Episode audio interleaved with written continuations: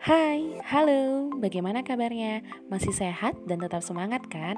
Harus dong, harus semangat Walaupun masih pandemi COVID-19, kita nggak boleh kalah sama pandemi Nah, kali ini kita akan belajar tentang mewaspadai ancaman terhadap NKRI Kamu akan tahu bahwa ternyata banyak sekali ancaman yang akan dihadapi oleh NKRI Apa saja itu? Yuk, kita simak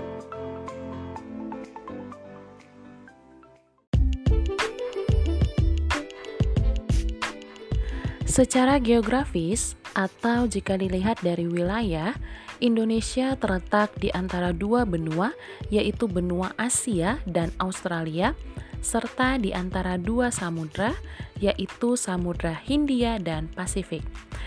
Letak geografis ini tentu membuat Indonesia menjadi wilayah yang sangat strategis, namun juga berbahaya jika pemerintah dan masyarakat tidak bersatu padu menjaga keutuhan Indonesia.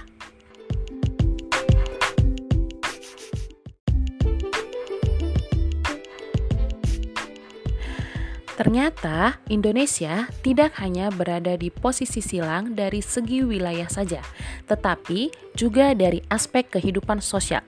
Misalnya, penduduk Indonesia berada di antara daerah berpenduduk padat dan daerah yang berpenduduk jarang di sebelah selatan. Kemudian, Indonesia juga berada di antara ideologi komunisme dan ideologi liberalisme, serta demokrasi Pancasila Indonesia berada di antara demokrasi rakyat di utara dan demokrasi liberal di selatan.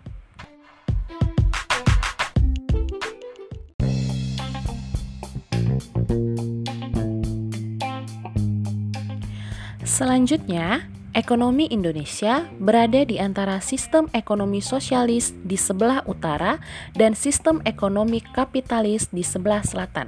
Serta ternyata masyarakat Indonesia berada di antara masyarakat yang sosialis dan masyarakat yang individualis. Nah, kebudayaan Indonesia berada di antara kebudayaan timur di sebelah utara dan kebudayaan barat di sebelah selatan. Yang terakhir, adalah sistem pertahanan dan keamanan di Indonesia. Ternyata berada di antara sistem pertahanan kontinental dan sistem pertahanan maritim di bagian barat.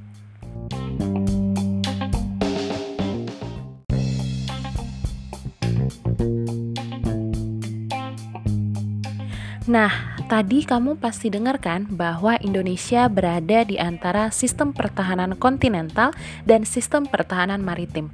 Apa sih sistem pertahanan kontinental dan maritim itu?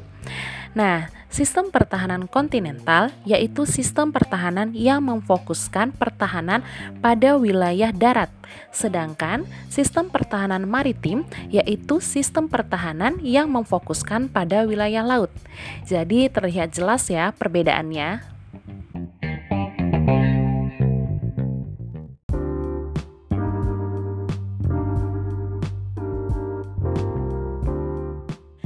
Nah, tadi kamu sudah dengarkan posisi silang Indonesia dari aspek sosial. Kali ini silahkan kamu cari batas-batas wilayah Indonesia di sebelah utara, selatan, dan barat supaya memudahkan kamu memahami materi hari ini.